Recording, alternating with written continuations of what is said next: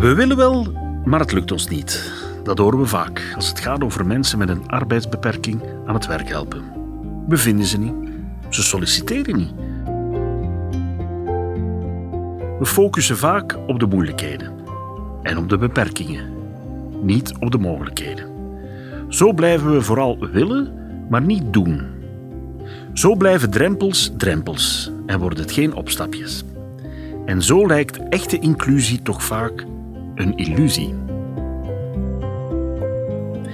Ik ben Dominique van Malder, theater, televisie en praatjesmaker.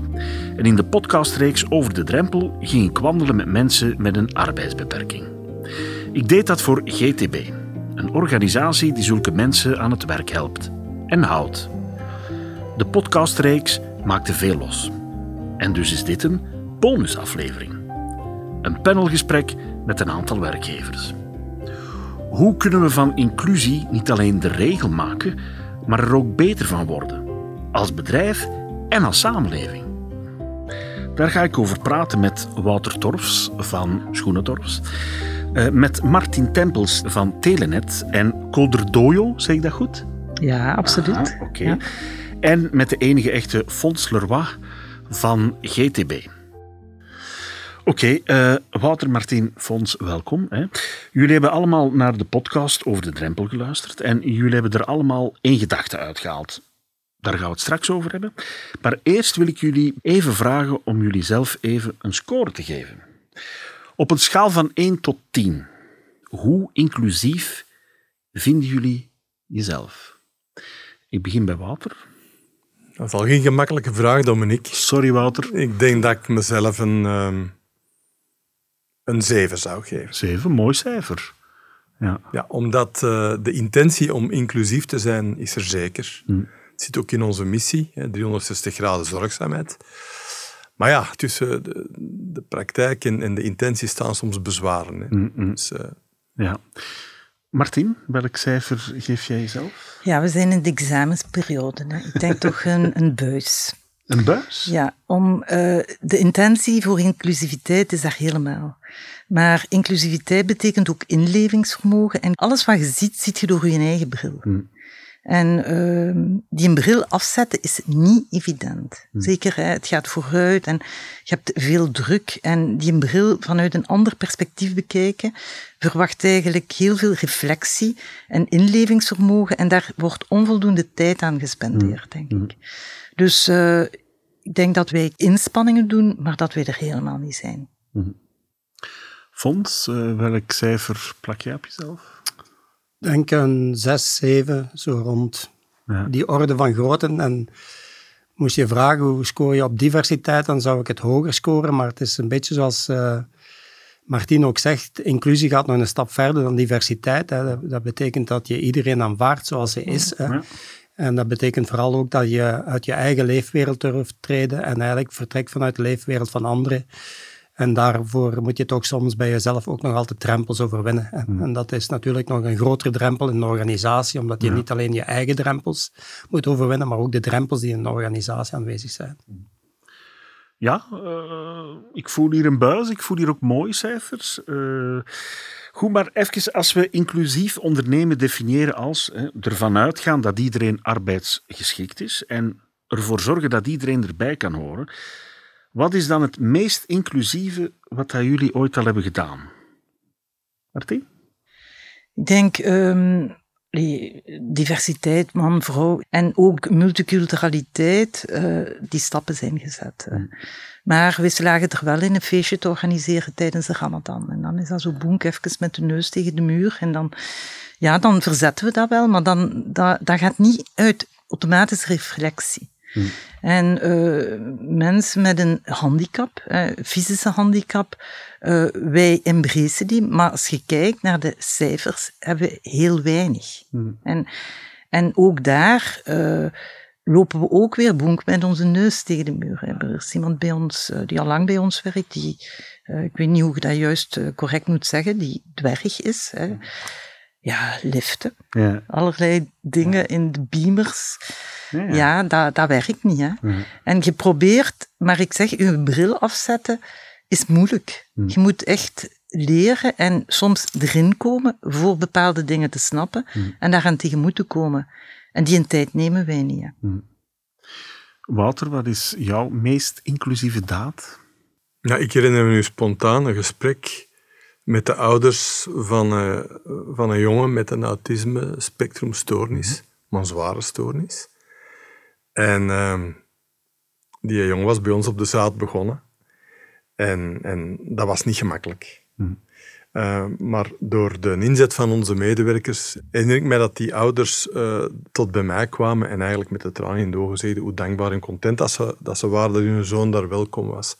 Ja, en dan denkt je, wat misschien een kleine moeite voor ons was, dat is dus een wereld van verschil voor, voor die mensen. Hè. Ja, ja, ja. Dat heeft voor mij toch wel wat ogen geopend. Ook nu naar stagiairs in winkels. Hè, autisme, dat is, een spectrumstoornis, dat is, komt vaak voor. Dus niet meer a priori zeggen, dat gaat niet. Nee, misschien een woordje uitleg. En, en dan geraken we toch een stap verder. Fons, eh, hoe zie jij jouw meest inclusieve daad? Ik had misschien een beetje op een ander niveau situeren, omdat ik eh, bij de overheid werk en bewust bij de overheid gewerkt heb. Dus ik geloof heel erg in de maakbaarheid van samenleving. Hè. Ehm, en ik heb eh, ja, het eh, decreet op de evenredige participatie op de arbeidsmarkt geschreven.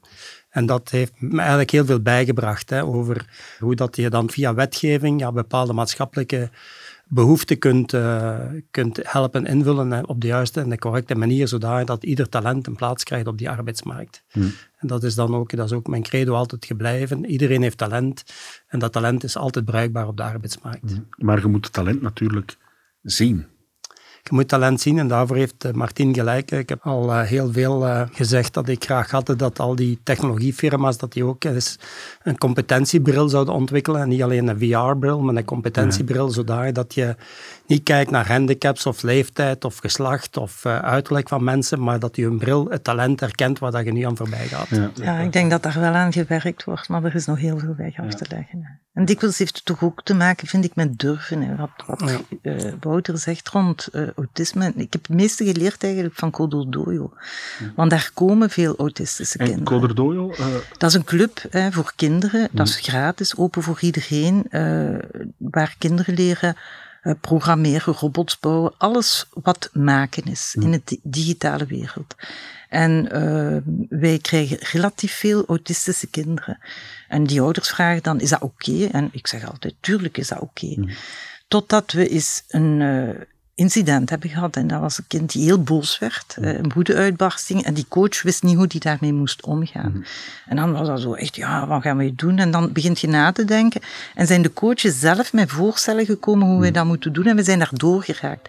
Dat vond ik een stap vooruit. absoluut. Dus nu vragen we altijd aan de ouders, blijf in de buurt. We weten dat als die geprikkeld geraken, dat dat kan gebeuren. Word niet terugkwaad, maar probeer het kalmte te brengen. Maar wel, dat weet ik nu ook. Hè. Ik wist dat niet.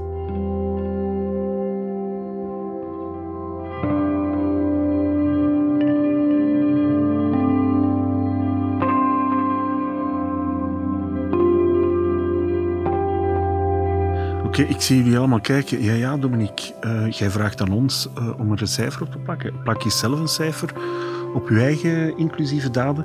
Inderdaad, Dominique. Inderdaad, ja, wel, ik ga, het- ik ga het proberen. Ik vind dat heel moeilijk trouwens, want ik vind dat er ook echt enorm veel werk is. Eh, ja, ik kom zelf uit een kwetsbaar gezin, dus ik, ik vind het belangrijk om kwetsbaren een stem te geven. Eh, ik heb het nogal voor mensen op de pechstrook. Via mijn theater probeer ik die soms een stem te geven via personages. Eh, ik heb ooit een programma gemaakt, Radio Gaga, met mijn beste vriend, waar dat we ook eigenlijk ja, mensen, kwetsbare mensen, zowel fysiek kwetsbare of psychisch kwetsbare, om die een stem te geven. Maar ja, ik, ik zal mezelf met de hakken over de sloot een, eh, een, een 5,5 geven, omdat ik denk dat er nog heel veel werk is. Maar ik ben ook blij dat ik een podcast eh, als Over de Drempel heb kunnen maken om heel fijne gesprekken te mogen hebben eh, met kwetsbaren. En daar gaan we het even over hebben, ook hè, over die podcast. Hè. Dus jullie hebben allemaal één aflevering herbeluisterd. En jullie hebben daar een gedachte uitgehaald. Hè. Ik heb dat zelf ook gedaan. En ik zelf heb nog eens naar de aflevering van eh Robrecht geluisterd. En als ik aan Robrecht denk, dan denk ik aan Aalst. Dan denk ik ook aan een slaapprobleem. En dan denk ik ook aan uh, Scoutswinkel. En ja, ik was heel erg getoucheerd door de getuigenis van Robrecht om velerlei redenen. Maar ik ga gewoon even een passage uh, laten horen uit uh, de podcast met Robrecht. Dat dat veel simpeler geweest dat ik een been kwijt geweest. Dat zie je, ja, die mensen zijn been kwijt. Ja. Maar iemand die niet slaapt, dat, je ziet dat niet als een gezicht. Hè. Van, van niet slapen, daar gaat hij eigenlijk niet aan dood, maar hij wil wel dood. Eigenlijk was dat de hel. Ja, dat is iets dat mij heel erg getoucheerd had. Hè? Want uh, Robrecht, een heel intelligente kerel, heeft een slaapprobleem. Blijkt alsnog iets fysieks te zijn, maar daardoor ja, geraakt hij niet meer, kan hij niet deelnemen aan de samenleving als, als werknemer. En je ziet dat natuurlijk niet, want hij heeft inderdaad geen gebroken been. En ja, veel mensen die dragen iets onzichtbaars mee, hè, uh, wat dat werken zou kunnen belemmeren. En ze gaan dan op zoek naar werk, maar ik vraag me dan af, ja, moeten ze dat melden? Hè, van, op een sollicitatiegesprek? Hoe, hoe, hoe denk jij daarover, Water? Ja, het is natuurlijk niet iets, iets wat dat binair is, hè, in de zin van uh, een gezonde mens heeft geen enkel probleem die, en, en dan iemand met een beperking, dat is, één, dat is niet anders dan één groot probleem. Ik denk mm. dat het een, een continuum is, hè, dat we allemaal wel, wel beperkingen hebben in ons mm. job. Eh, maar dat dat bij sommige mensen op bepaalde domeinen is en meer dan, dan bij andere mensen. En ik denk dat we, dat, we, dat we onszelf, maar ook onze recruiters, nog meer moeten bewust maken van, van de kwaliteit van empathie en echt... Mm echt niet te vertrekken van uw eigen bril en uw eigen opvattingen, maar, maar te gaan zoeken en te gaan echt beluisteren wat, wat dat iemand uh, kan en wat, wat, wat iemands talent is. Hmm. Hoe, hoe denk jij daarover, Martien? Ja, ik denk absoluut, want we weten allemaal dat tegen 2030 er een gigantisch tekort in de arbeidsmarkt is. Mm En dat is gewoon een pertinent probleem voor onze economie. En we zullen creatiever moeten zijn. En die diversiteit is ook bewezen, geeft heel veel toegevoegde waarde. Maar ik, persoonlijk ben ik er wel voor om dat bespreekbaar te maken, maar ik zou dat nu niet in uw sollicitatiebrief zetten. Maar bijvoorbeeld als bepaalde vaste ritmes belangrijk zijn voor uw mentaal evenwicht, dan denk ik wel dat het belangrijk is dat je dat in je omgeving kenbaar maakt. Mm. En dat die omgeving daardoor ook mee aan de slag gaat. Mm. Of bijvoorbeeld dat bepaalde zaken gewoon te veel prikkels geven. Of, en dat is niet alleen mensen met slaapproblemen, ook mensen bijvoorbeeld na burn-out, mensen mm. met psychische problemen, kunnen dat ook hebben. Ik denk wel dat het belangrijk is dat ze dat niet verstoppen. Maar dat je als werkgever een kader moet scheppen waar dat bespreekbaar in wordt en ook dat je daarmee mee omgaat. En dat is eigenlijk wat zo moeilijk is. Denk jij daar ook zo over, Fons? Wel, ik denk dat we in gesprek het veel te weinig hebben over wat mensen kunnen, wat hun ambities zijn, wat hun mogelijkheden zijn. En we staan ons blind op, de, op handicaps, op beperkingen, op leeftijd, uh, op scholingsniveau. En veel te weinig over wat uh, mensen wel kunnen en welke bijdrage ze kunnen leveren. Toen ik uh, ja, een tijdje terug in, in de States was en daar een aantal bedrijven bezocht, in Silicon Valley viel mij op dat daar altijd het gesprek van de aanwerving ging. Wat kan jij ons bieden hmm. in dit bedrijf? Hè? En dat ging nooit over, uh, ja, heb je dit diploma behaald of wat is je leeftijd of zo. Dat ging altijd over, wat kan je bieden? Wat zijn je talenten? En ik denk, die focus moeten we hebben, die bril moeten we opzetten. En dan, uh, ja, dan zal die war on talent, waar we voor staan, een stukje verminderd worden. Hè? Niet wat kan je niet, maar wat kan je vooral wel. Hm. Martien, jij zegt van ja, ik zou dat niet meteen vermelden. Maar vanaf wanneer mag een sollicitant het dan vermelden? Nee, want dat is, allez, op papier denken we allemaal, nee, nee, maar dat is geen probleem, we pakken dat er wel bij. Maar als puntje bij paaltje komt, moet er effectief acht uur gewerkt worden per dag. Hè? Ja, dat is wat ik wilde zeggen met dat continuum. Ik denk niet dat je daar een exact cijfer op kunt, kunt kleven. Maar alleszins, uh, een sollicitant die de moed en de kwetsbaarheid aan de dag legt. Hmm. Om daar zelf mee te komen in een sollicitatiegesprek, zou bij mij toch een farme streep voor hebben dan iemand die niks zegt en dat je dan na een paar weken vaststelt van ah, nu, moeten we, nu moeten we er toch eens over praten. Ja. Maar ja, waarom, waarom verzwijgen die mensen dat? Natuurlijk ook omdat ze denken, ja, als ik het zeg, dan, dan krijg ik die job niet. Dus daar is dan ook wat menselijkheid tegenover. Hè? Want hoe ook zijn de drempels nog eigenlijk in de bedrijfswereld als het gaat over beperkingen, Martin? Ik ben overtuigd enorm hoog. Hè. Als allee, uh, je het verhaal van Gieten las, of hoorde, liever gezegd, 200 sollicitaties en ze had drie antwoorden gekregen. Daar kreeg ik kippenvel van. Hè. Dan dacht ik, ja, ik hoop dat ik niet ben, dat wij bij hmm. die 197 zitten. Ik denk dat die drempels heel hoog zijn. Maar die tekorten gaan ons verplichten het nu al aan te pakken. Hè. Ja, want dat is, stappen leert je misschien in een paar maanden tijd als klein kind, maar bedrijven zijn niet zo heel veranderbaar op dat soort van zaken, vind ik. Nee, want men zoekt vaak, hè, bij wijze van, uh, uh, van spreken, ik trek het nu even op flessen, maar we zoeken jonge mensen met 20 jaar ervaring. Dat klopt Ja. niet, hè? Maar toch ook nog een ander aspect, Dominique, wat ik wil aanhalen. Ik, ik heb heel onlangs kennis gemaakt met Johan Kremery. En de Johan, dat is een, een, een, mens die in een rolstoel zit. Ehm, eh, en die doet, die doet een kruisvaart om, om dus mensen met een beperking meer aan de slag te krijgen. En die is daar zelf een schitterend voorbeeld van. Dat is dus een consultant op vlak van uh, bedrijven en begeleiden in het, in het werk stellen van mensen met een beperking.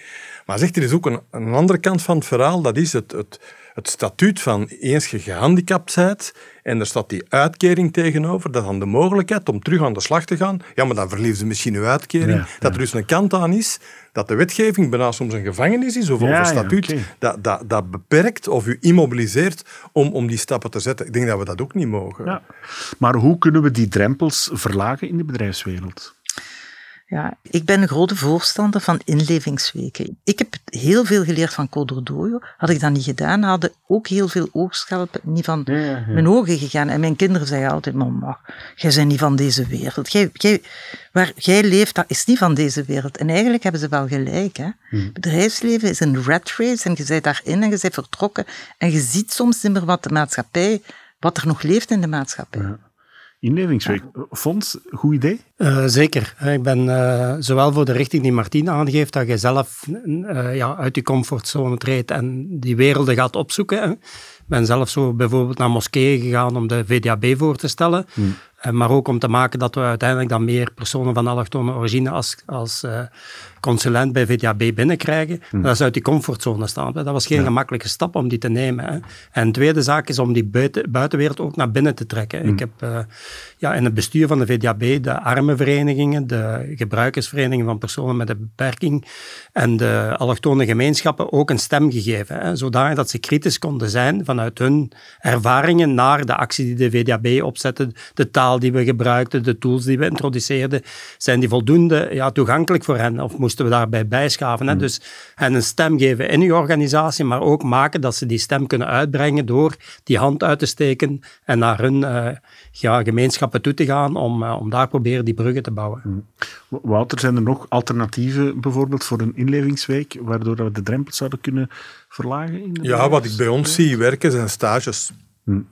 Dus uh, ja, wij doen daar heel, heel systematisch beroep op. Dus, dus stagiairs zoeken in scholen. En, dan, en, dan, en dat is eigenlijk een heel vrijblijvende manier om iemand te leren kennen. Ja, wat is er aan verloren om dan iemand met een beperking eens die stage te laten doen? Mm. En, en misschien valt het wel mee, misschien Ja. kan hij of zij wel blijven. En dat is dan eigenlijk heel laagdrempelig. Ja, fijn. Lijkt me goed. En ook concreet, want dat is het vaak. Hè. We, we babbelen er vaak over, maar we moeten het gewoon doen, hè, denk ik. Eh, zijn jullie selectieprocedures bijvoorbeeld aangepast eh, voor mensen met een beperking? Ja, ik, ik hoop van harte, echt, ik denk dat ook wel. Hè. Eh, je moet alleen kijken, wandelt dan rond, wat is het resultaat daarvan? Hè, want ik denk dat wij echt inspanningen doen naar inclusie en dat wij heel bewust zijn van de krapte in de arbeidsmarkt. En zeker, we zitten in een, ook nog in die technologie dat dubbelop knelpunt is. Maar de resultaten zijn er niet altijd en het is dat toch wat telt. Hè? Hoe, hoe, hoe, kunnen, eh, hoe kunnen jullie bijvoorbeeld als werkgever hè, ervoor zorgen eh, dat iemand die heel competent is, zoals Romrecht, hè, dat die toch alsnog ja, binnengeraakt in, in uw bedrijf, in uw organisatie, en dat hij zich niet alleen welkom voelt, maar dat hij ook kan blijven? Ja, ik- een van de, van de leidmotieven in, on- in, onze, in onze wervings- en selectiepolitiek is hire for attitude, train for skills. Dus we gaan eerst kijken naar iemands mentaliteit en iemands drive en iemands bereidheid om. En dan zeggen we van ja, een bepaalde vaardigheid kunnen we wel aanleren. En dat misschien nog meer consequenter toepassen. Heb jij nog een gouden tip, eh Fons?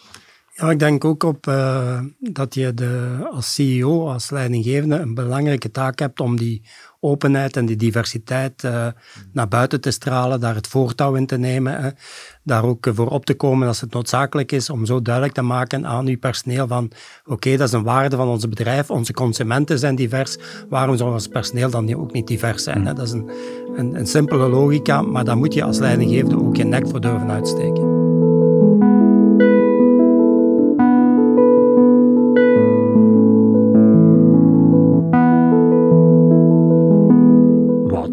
Naar welke aflevering van Over de Drempel heb jij geluisterd?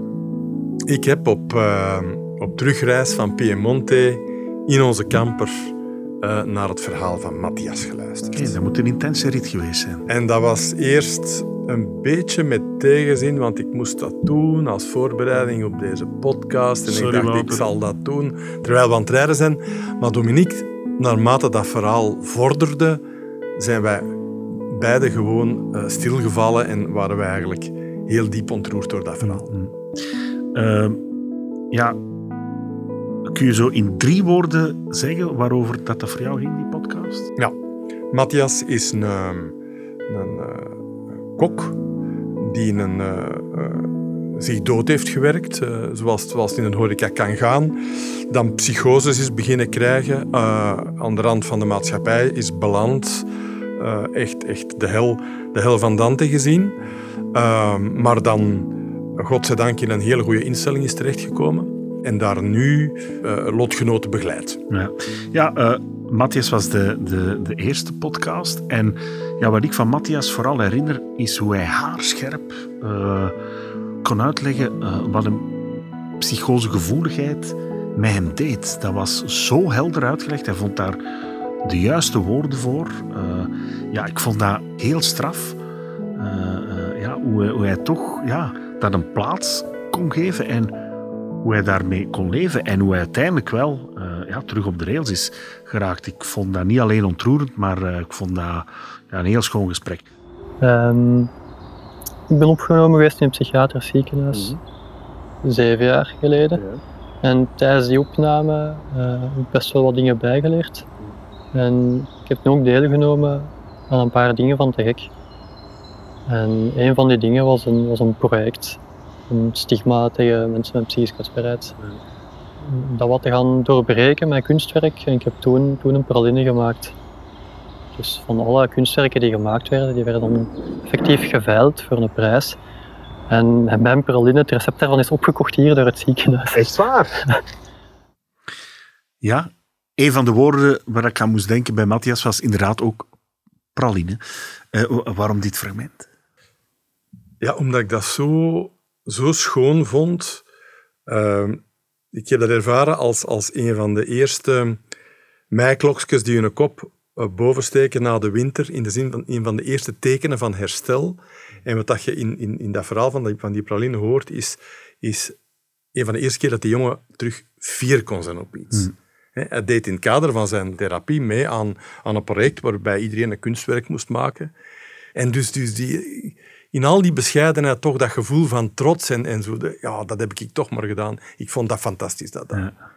En ik kan u vertellen, het zijn lekkere pralinen, want hij heeft, ah, na de opnames heeft hij één praline opgestuurd en echt, het is een kunstwerkje om op te eten. Maar je had ook nog een ander fragment, we gaan er even naar luisteren.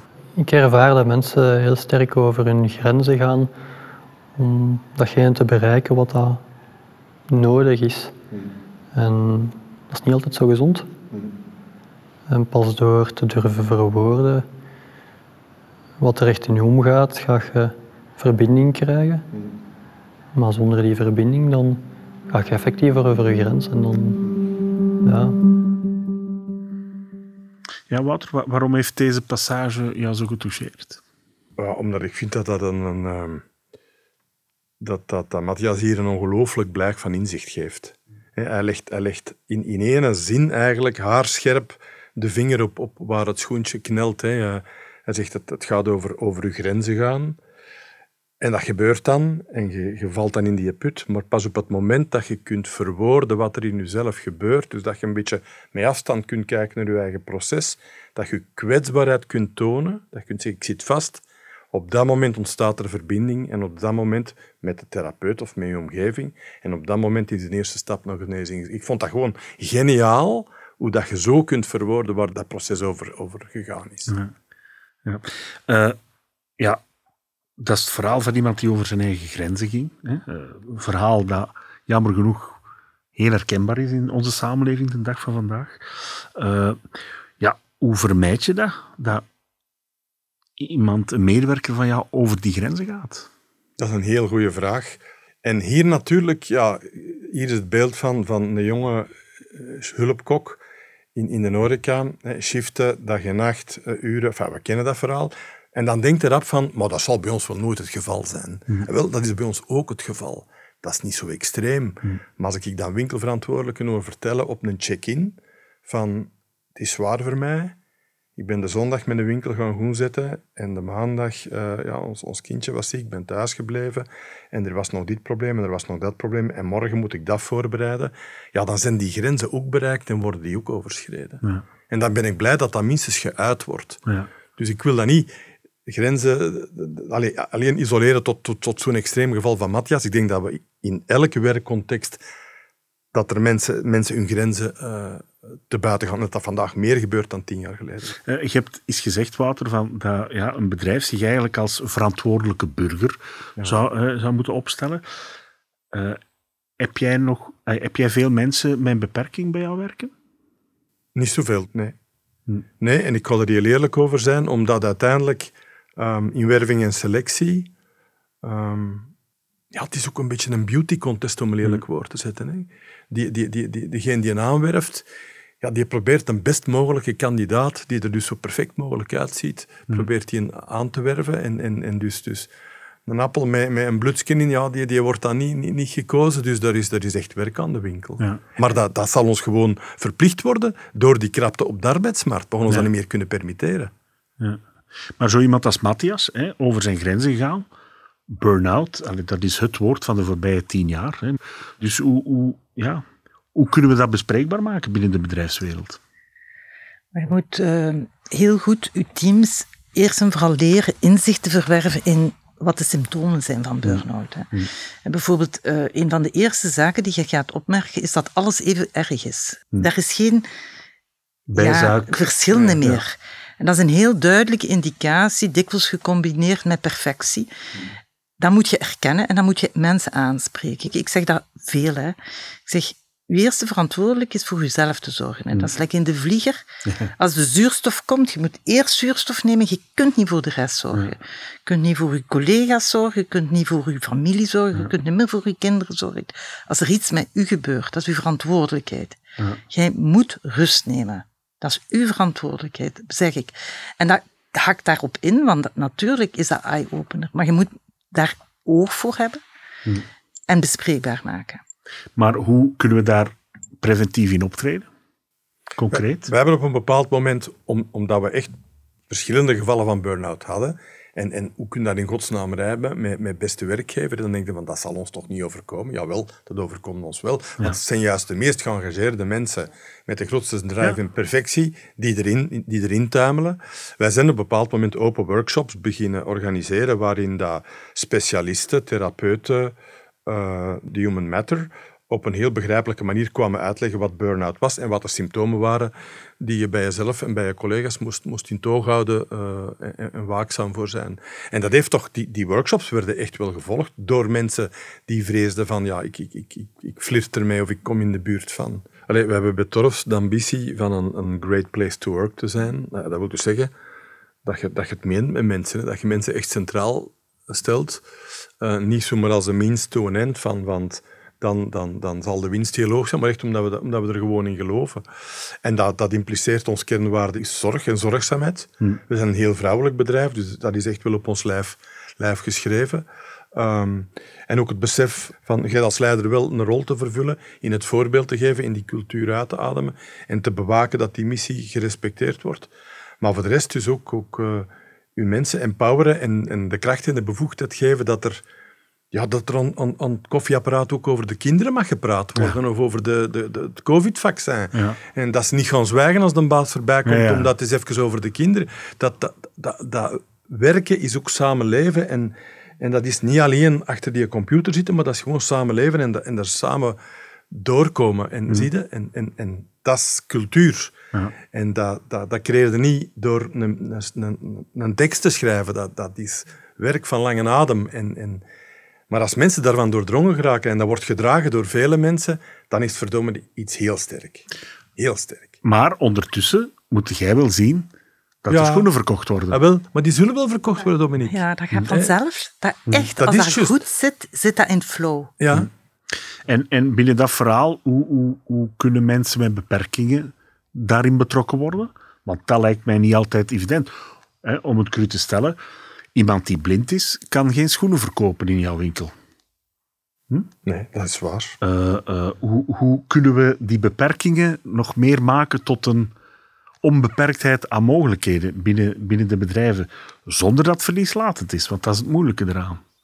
Nu zijn we weer aan het kijken naar beperkingen, niet naar wat er niet mogelijkheden. gaat, hè. Ja. Want ja, er zijn heel veel, de, die mensen hebben andere talenten. Hè. Ik, eh, ja, ik, ben, eh, ik heb zelf ooit deelgenomen aan een event, eh, di- eh, dineren in het donker, hè, waar dat je inderdaad eh, ja, twee uur, drie uur opgesloten zit en een menu krijgt, maar in pikken donker. Eh, je moet leren met elkaar communiceren. Je weet niet wat, dat, wat je op je bord krijgt, waar dat een drank staat.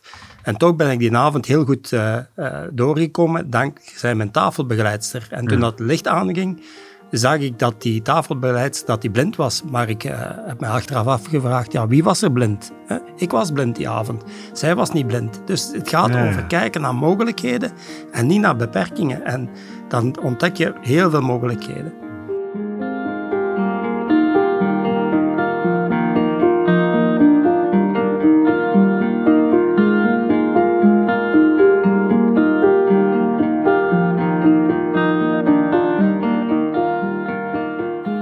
Martien, welke aflevering van Over de Drempel heb jij herbeluisterd?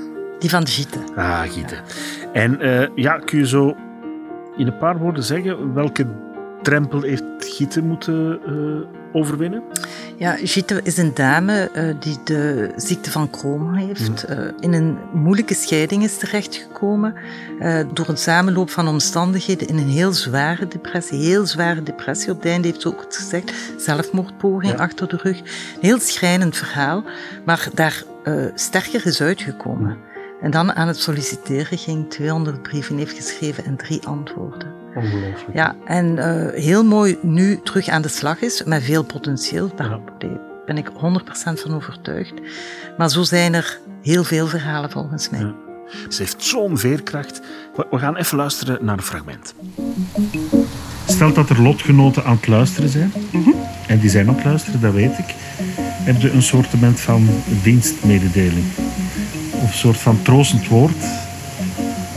Ga een troostend woord kunnen nooit bieden aan iemand, dat, want niks is, is juist op die moment. Maar ah, wel, we zullen het op zijn campus houden. Gewoon gaan en gaan. En niet nadenken over dat komt, want je komt er wel uit. Ja.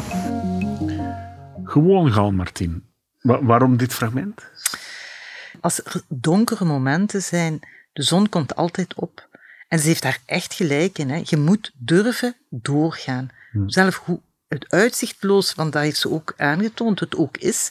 Ze is er nu wel uit. En ik denk dat dat het mooiste verhaal is dat ze aan haar lotgenoten kan vertellen. Daar komt een einde en het gaat beter worden. In 99% van de gevallen is dat zo.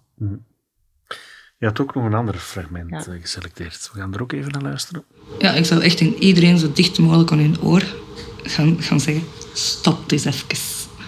Ja, ik zou, ik zou willen dat iedereen soms eens even stilstaat en nadenkt over zichzelf. Maar ook misschien over de omgeving. Want je kunt wel veel kritiek hebben op iemand, maar wat erachter stikt. Soms mogen mensen wel eens wat verder nadenken. Ja, ik had daar toen gevraagd van, heb je een boodschap naar de wereld? En eh, ja, wa- waarom toucheerde jou dit fragment zo? Ja, ik denk stoppen en even nadenken naar iemand anders toe, maar ook naar uzelf toe, dat dat eigenlijk connectie geeft. Ik denk, door echt te stoppen en te connecteren, kunnen we dingen ja, beter vatten en vooruit helpen. Ik vond dat heel mooi gezegd. En dan zeker dat campus gaan en blijven gaan. En dat eigenlijk, je mocht de hoop niet opgeven. Dat waren zo de twee boodschappen die wel krachtige boodschappen waren voor mij.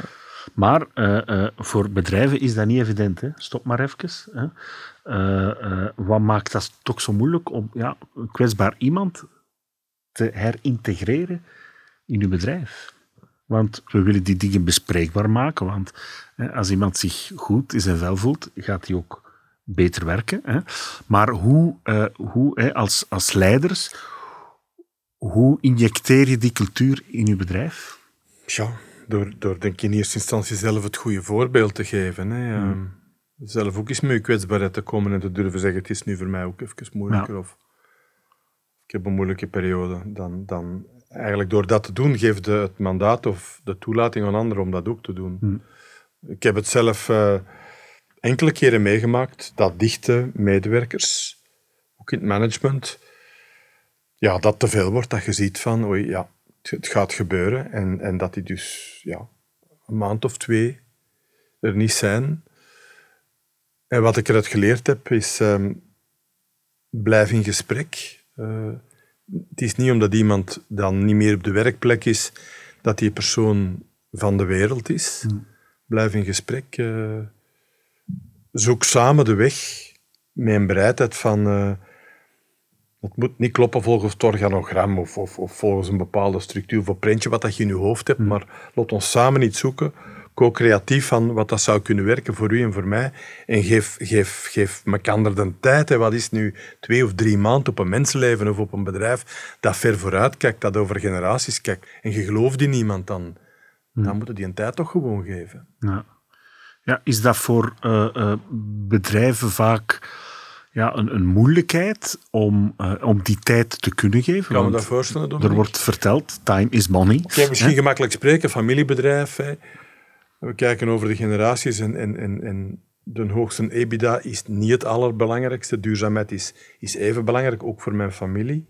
Uh, en dat geeft mij wel dat mandaat om dat te doen. Ja. Wat kunnen bedrijven winnen bij het feit dat ze kwetsbare mensen in huis nemen? Loyaliteit en inzetbaarheid op zeer lange termijn. Er zijn ja, de meest loyale medewerkers, eh, in mijn ervaring, waren de medewerkers die gezien hebt dat je inderdaad hen een plaats geeft in de onderneming, wat dat ze niet verwacht hadden. Hè? Maar een goede plaats met bevorderingsmogelijkheden, met loopbaanmogelijkheden. Dat zijn de meest loyale medewerkers. Er zijn bij ons in de VDAB waren er geen betere programmeurs dan de mensen met ASS. Die waren het meest loyaal, het meest getrouw, het meest uh, inzetbaar, veel beter dan de andere programmeurs.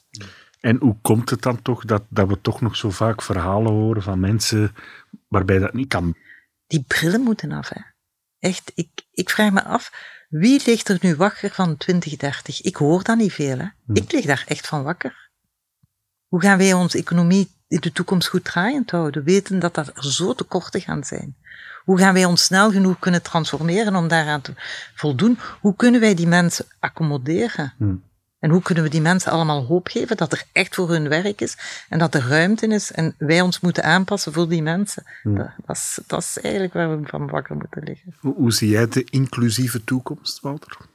Goh, ik, heb, ik heb er eigenlijk alle vertrouwen in dat. Uh, ja, dat de situatie en de context ons verplicht om die mensen meer te betrekken. Ik leg even de, de parallel met onze visie op, op, op, op uh, medewerkers met een migratieachtergrond. Mm.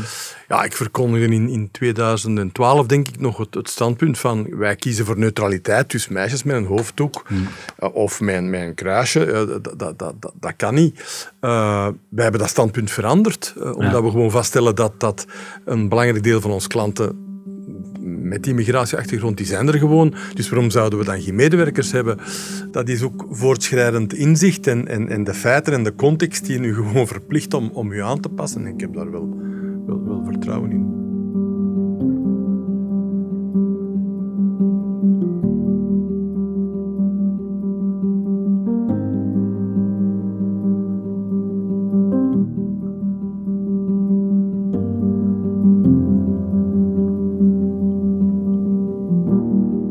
Fons, jij hebt ook uh, een podcast herbeluisterd. Hè? Uh, welke podcast? De podcast met Frank. Frank. Ja. Ja, er, er verschijnt een glimlach op ja, mijn gezicht als ik Frank, hoor. Eh, hè? Ja. Ik moet zeggen, ik heb in de context van mijn job duizenden studies moeten lezen en onderzoeken over het belang van werken. En Frank heeft dat eigenlijk met één statement eigenlijk duidelijk gemaakt. Dus het is eigenlijk een fantastisch wijze gast. En, iemand die zijn droomjob was trucker worden, maar op een bepaald moment valt zijn eigen motor uit. gaat dan door een periode van coma verlies van zijn werk, uh, ja, kamp met zelfdodingsgedachten, ja, raakt ook in een echtscheiding verwikkeld enzovoort. Uh. ja, mijn ex-vrouw die zei dat altijd. Uw ex-vrouw? Ja, die zei altijd, uh, ik heb s'morgens een hele man zien vertrekken en ik heb een halve teruggekregen. Oh ja. En dat is waarheid. Maar uiteindelijk uh, ja, vindt hij zijn geloof terug, zijn vertrouwen terug. Uh, en uh, ja, kan hij aan het werk in zijn hobbysfeer eigenlijk, want hij is een enorme dierenliefhebber, heeft varkens en eenden en uilen enzovoorts. Dan kan hij in een, in een hondensalon kan hij zijn, zich terug integreren in mm. de werkcontext. Hij doet dat met plezier. En ja, is eigenlijk iemand die eigenlijk toch wel terugblikt met heel veel wijsheid over wat hij heeft eh, doorgemaakt, maar hoe dat hij zich eh, ja, eigenlijk toch uit die slop heeft getrokken en eigenlijk met nu een heel positieve attitude in het werk staat, zowel naar zichzelf als naar zijn omgeving toe. Heeft de gedachte dat je terug kon gaan werken u geholpen om, om naar de toekomst te durven zien? Ja. ja. En was dat van... Terug vooruitzichten van, oké, ja, als ik naar mijn beste en uh, ik volg die raad op en ik volg die kine en al wat je wilt, dan uh, kan ik misschien iets of wat terug op eigen poorten staan. Zonder last te zijn voor iemand. Allee, ja. Het verhaal van Frank, als we dat even naar de arbeidsmarkt vertalen, hè, dat is vrachtwagenchauffeur kan en mag niet meer rijden. Hè. Nu, dat is natuurlijk niet simpel voor een bedrijf om dan ja, voor een andere plek te vinden binnen het bedrijf. Hè? Want ja, uh, ja, hoe moeilijk is dat dan? Om, om een ander plekje binnen het bedrijf te proberen versieren voor, voor iemand als Frank? Ja, dat heeft weer te maken met het feit dat we ehm, vanuit de bedrijven dikwijls vertrekken vanuit onze vacatures en niet vanuit de mogelijkheden van personen. Eigenlijk zouden bedrijven dan op maat van Frank een job moeten kunnen boetseren. Hè? Hmm. Volgens wat dat hij dan nog heeft, wat zijn verwachtingen, wat zijn mogelijkheden zijn. Dat kan natuurlijk niet in ieder bedrijf. Dat hmm. kan veel moeilijker in een klein bedrijf dan in een groot bedrijf. Maar daarom moet je ook de arbeidsmarkt bekijken. Hè? Het kan misschien niet in het bedrijf waar dat hij werkte, maar het kan misschien in een ander bedrijf. Wat bij Frank ook getoond is. Hè? Hij is niet teruggegaan naar zijn vrachtvervoerbedrijf, maar is uh, overgestapt naar dat hondensalon. Dus ja. we moeten de arbeidsmarkt ook globaal bekijken en niet altijd een oplossing willen zoeken in het eigen bedrijf. Als dat daar niet kan, wel, het kan ergens anders. Die talenten zijn zeker dienstig ergens anders op de arbeidsmarkt. Is dat zoiets, Wouter, uh, uh, dat jij in jouw bedrijf ook wel tegenkomt? Kan het me inbeelden? Ja. Als ik, als ik Fons hoorde, dacht ik spontaan aan aan een, ja, twee, twee vrachtwagenchauffeurs, mannen die met mij begonnen zijn. Hmm. Uh, maar als je 63 bent en je rijdt met een grote vrachtwagen met karren, schoenen op en af, en, en, en allez, dat moet ik dus niet doen. Hè. Ja, ja. Uh, die kwamen zeggen van Wouter, het gaat niet meer. En dat ik zeg, ja mannen, dan gaan we een oplossing zoeken. En we hebben ook logistiek, we hebben distributie.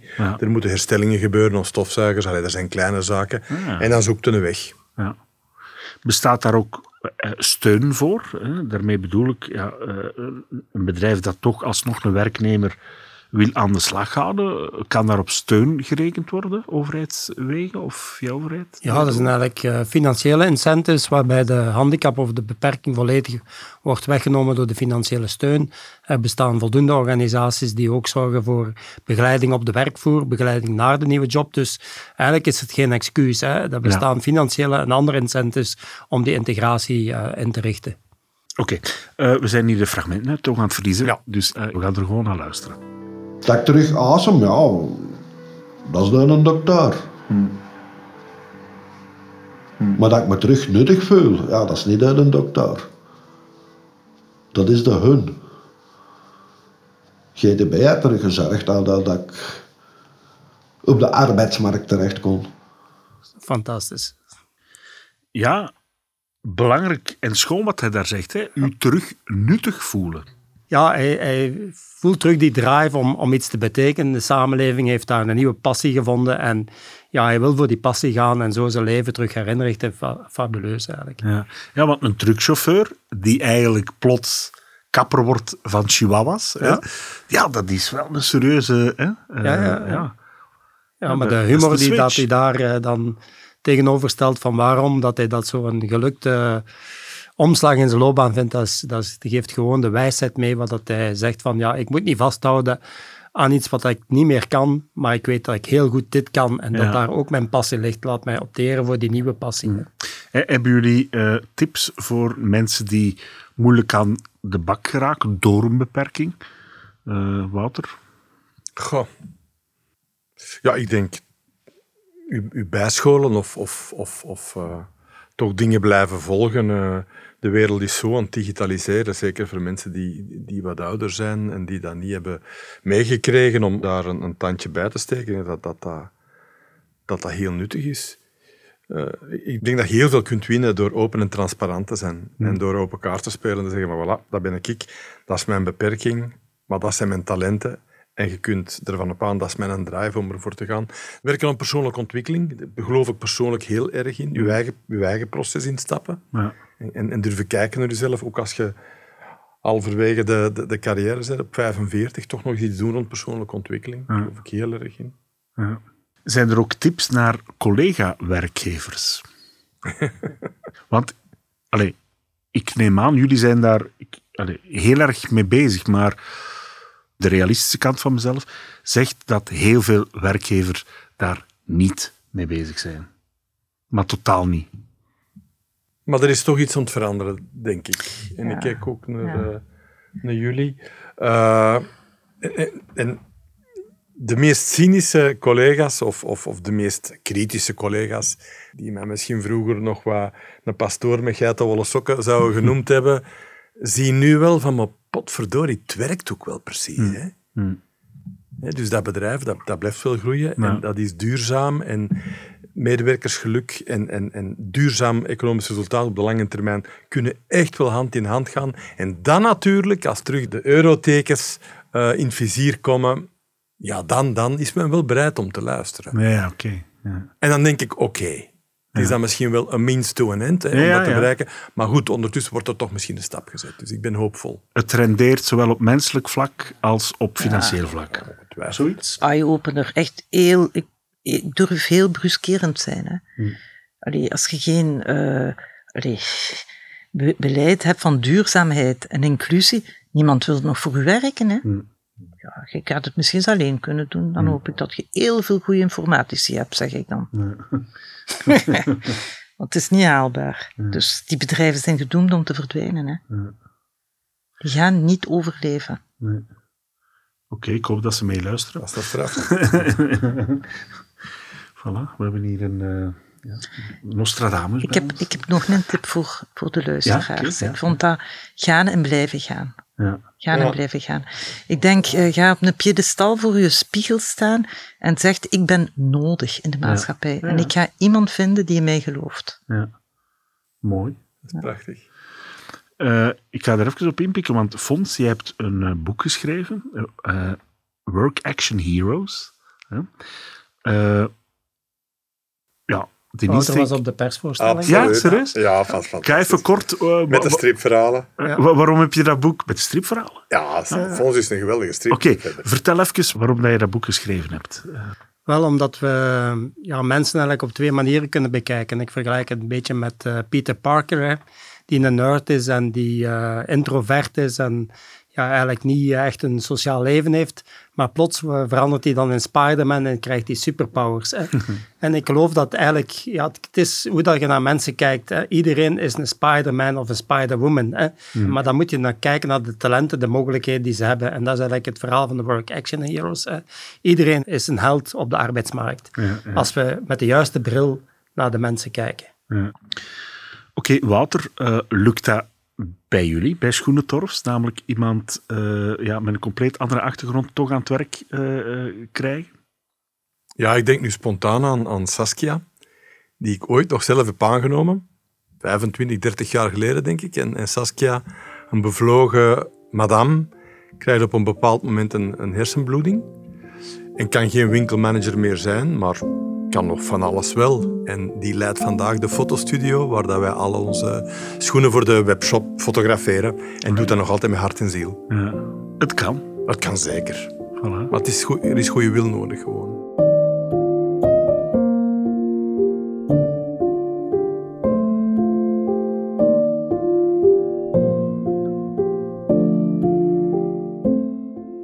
Ik heb ook nog een heel fijn voorbeeld van een eh, zeer veerkrachtig iemand die ik ontmoet heb. Een superheldin en eh, dat is Marlies. En als ik aan Marlies denk, eh, dan denk ik aan een zwembad. Dan denk ik ook aan ASS. Zij heeft uh, autisme spectrum stoornis. En ik moet ook een beetje denken aan eh, Niels de Stadsbader, waar ze hevige fan van was. En die haar ook soms door moeilijke periodes heeft geholpen. Maar ik ga haar even zelf aan het woord laten. Maar waarom kan jullie dat op een normale manier en waarom heb ik daar weer hulp bij nodig? Ik krijg veel die opmerking. Ja, ja. Dat het eigenlijk, ja, bij wijze van spreken, onzichtbaar is. Hmm. Dat er iets in mijn hoofd niet, niet loopt gelijk dat moet lopen. Want is dat het moeilijke? Hè? Ja, als je je been gebroken hebt, ja, mensen zien dat je een plaaster aan hebt. Hè? Maar de plaasters of pleisters in iemand zijn hoofd, die zien we vaak Nee. niet. Hè? Was dat het moeilijke om dat onzichtbare zichtbaar of bespreekbaar te maken? Ja, ik had daar heel moeilijk mee.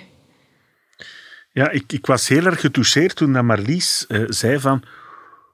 Hoe doen jullie dat? Hè? De zogezegde normale mens.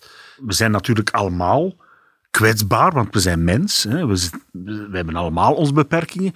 Bij de ene zal het misschien wat meer opvallen dan de andere. Maar dat zij zelf, ja, zij voelde al, al vroeg, er, klopt hier iets niet met mij, maar hoe dat zij babbelde over jullie in de normale wereld, ik vond dat heftig om te horen, eh, eigenlijk. Het is inderdaad confronterend, hè, van, van dat, jullie en, en, en ik. Ehm, ja, ik denk dat, dat, de- dat de sleutel toch, toch, toch empathie is, we- weer, wederom. Hè, en u inleven in, in de andere. En, en op het moment dat dat ontstaat, ja, dat is al de eerste stap naar inclusie, is dat, je, dat je je bereid bent om je in te leven in de andere. Ja. En op het moment dat je dat doet, dan sluit je de andere al in. Werken er eh, mensen zoals Marlies eh, bij Schoenentorfs? In de verkoop, in de winkels, denk ik niet. Hm. Op het eh, distributiecentrum, ja, Ja. ik heb er enkele. Ja. Ja. Ja. Waarvan het dan ook geweten is en ehm, waar er een modus vivendi gevonden Ja, is. ja, ja. Fons, eh, is dat eh, een herkenbaar verhaal, een verhaal zoals Marlies? Dat is eh, heel herkenbaar, ja. ja. Ik denk dat we het ook eh, onderschatten hoe breed dat is. eh. ik stel dat nu zelf vast met mijn eh, kleindochter, mijn jongste kleindochter, die ook een beperking heeft, eh, hoe dat de samenleving daarop reageert. Maar ook hoe dat zij zelf ziet wat dat het verschil is met haar leeftijdsgenoten. Ja. En eh, ja, dat doet me toch denken dat we ja, meer sensitieve organisaties moeten hebben, sensitief leiderschap moeten hebben.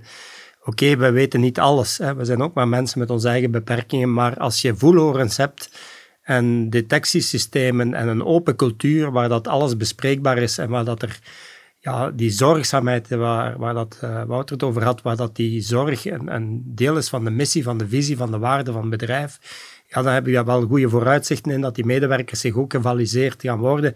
En als er iets is, ja, dat zal misschien met een hapering gebeuren, maar uiteindelijk is daar een cultuur van opvang en van coaching aanwezig die zal maken dat die medewerker dan zich wel verder zal geïntegreerd voelen. Dus eh, ja, Ja, want hoe zorg je ervoor dat hè, eh, eh, jullie als leiders, jullie kunnen wel zeggen, nee, nee, wij willen lekker inclusief zijn, maar het is ook wel op de werkvloer dat de medewerkers moeten ook wel inclusief willen zijn. Want als er iemand niet om kan met iemand met ASS bijvoorbeeld, ja, wat dan? Dus hoe, hoe kan je jouw werknemers daarin begeleiden?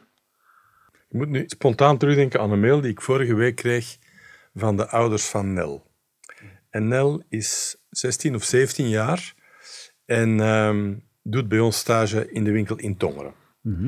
En Nel heeft ASS. En die papa schrijft mij een mail van, waarin dat hem mij bedankt en de winkelmanager bedankt van hoe Danel daar ontvangen is, onthaald is, en hoe dat zij zich voor de eerste keer ergens welkom heeft gevoeld en voor de eerste keer dat die ouders perspectief hadden, ons dochter gaat misschien ook ergens kunnen werken. Ik heb die mail natuurlijk direct doorgestuurd naar de winkelmanager van Tongeren, naar Christel, een schat van een mens, die zei, ja, dat is dat toch de, de logica zelf. Ehm, dus ja, dan ligt er natuurlijk heel veel in de handen van Christel, van de shopmanager, en van dat team dat dat goed aanpakt. En dat is dan ook weer de vrucht van, van de cultuur. Dat dat bij ons gewoon zo moet gebeuren. Maar dan is het wel fantastisch om... En als je dat dan, de emotie van die ouders leest, allee, dan, en je zegt zelf vader en grootvader, dan denkt je... Zo moet het toch gewoon, Ja, hè? Zo moet het gewoon. Ja. Allee. Ja, soms zou ik zo wel Wouter willen zijn, door een baas. Ik doe dat gewoon voort. Ja, maar Martin, het was Wouter niet, het was Christel die, die dat, die dat Ja. helemaal autonoom heeft Ah ja, gedaan, hè. voilà. Maar die wel vanuit de cultuur Ja. de, de, de affirmatie had Zij van wat dat jij doet, dat is goed. Ja, wel, En als snel er iets ja, verkeerd uitslaat ja. tegen een klant, dat is zo erg niet. En- dan gaan we tegen die klant zeggen, mevrouw, ja, dan zeggen die mensen ook, dat is toch geweldig. Die werknemers zou je op een piedestal Ah ja. Die moet je dan echt aantonen als voorbeeld Ah, van de grasgoed. Ik ben een heel goede, grote believer in grasgoed. De organisatie zelf weet wel wat ze moet doen. Moet alleen die kans geven. Het is niet altijd die lijn die dat weet. hè. Ja, ja, ja, ja. Kort. Oké, ik hoor hier eh, werknemer van de maand benoemen en zeggen waarom. Ja, voilà. ja. Absoluut. Hè. Ja, maar doen we dat misschien te weinig? Dat ja. soort dingen bejubelen en zeggen, hé, hey, zo kan het dus ook, hè? Ja, ik doe het altijd. Allee, ik, ik, ik, en ik, ja. Maar we doen te weinig, hoor. Ja. We doen te weinig. Maar eh, worden jullie daar ook in begeleid? Want hè, Wouter, jij zegt, ja, ik wil die cultuur binnen mijn bedrijf brengen. Dat is hard werken, want dat doe je niet van de ene dag op de andere. Ben je daar zelf ook begeleid in geweest? Nee, eigenlijk niet, Dominique. Nee, dat is gegroeid en, en dat komt uit de DNA van mijn grootouders die dat ook deden. En, en dan zie je collega's en medewerkers die dat affirmeren en die zeggen, maar dat, dat is de manier, zo moeten we het doen. En dan trekt de gelijkgestemde zielen aan en dan, dan bouwt je iets. Hè. Mooi. Goed, eh, lieve gasten, eh, Wouter, Martin, Fons. We zijn er bijna. Allee, dat bedoel ik niet met de inclusie, want daar is nog heel, heel veel werk. Maar eh, wel met deze podcast bijna. Eh, los van het feit dat ik jullie heel hard wil bedanken, zou ik toch graag nog een afrondende vraag stellen aan elk van jullie. Ik ga beginnen met jou, Fons. Welk laaghangend fruit laten bedrijven en ondernemers nog heel vaak hangen als het over inclusie gaat? Ik zou zeggen, het is niet, geen laaghangend fruit meer, dat moet geplukt worden, want het is geplukt, het is beschikbaar, het ligt voor u.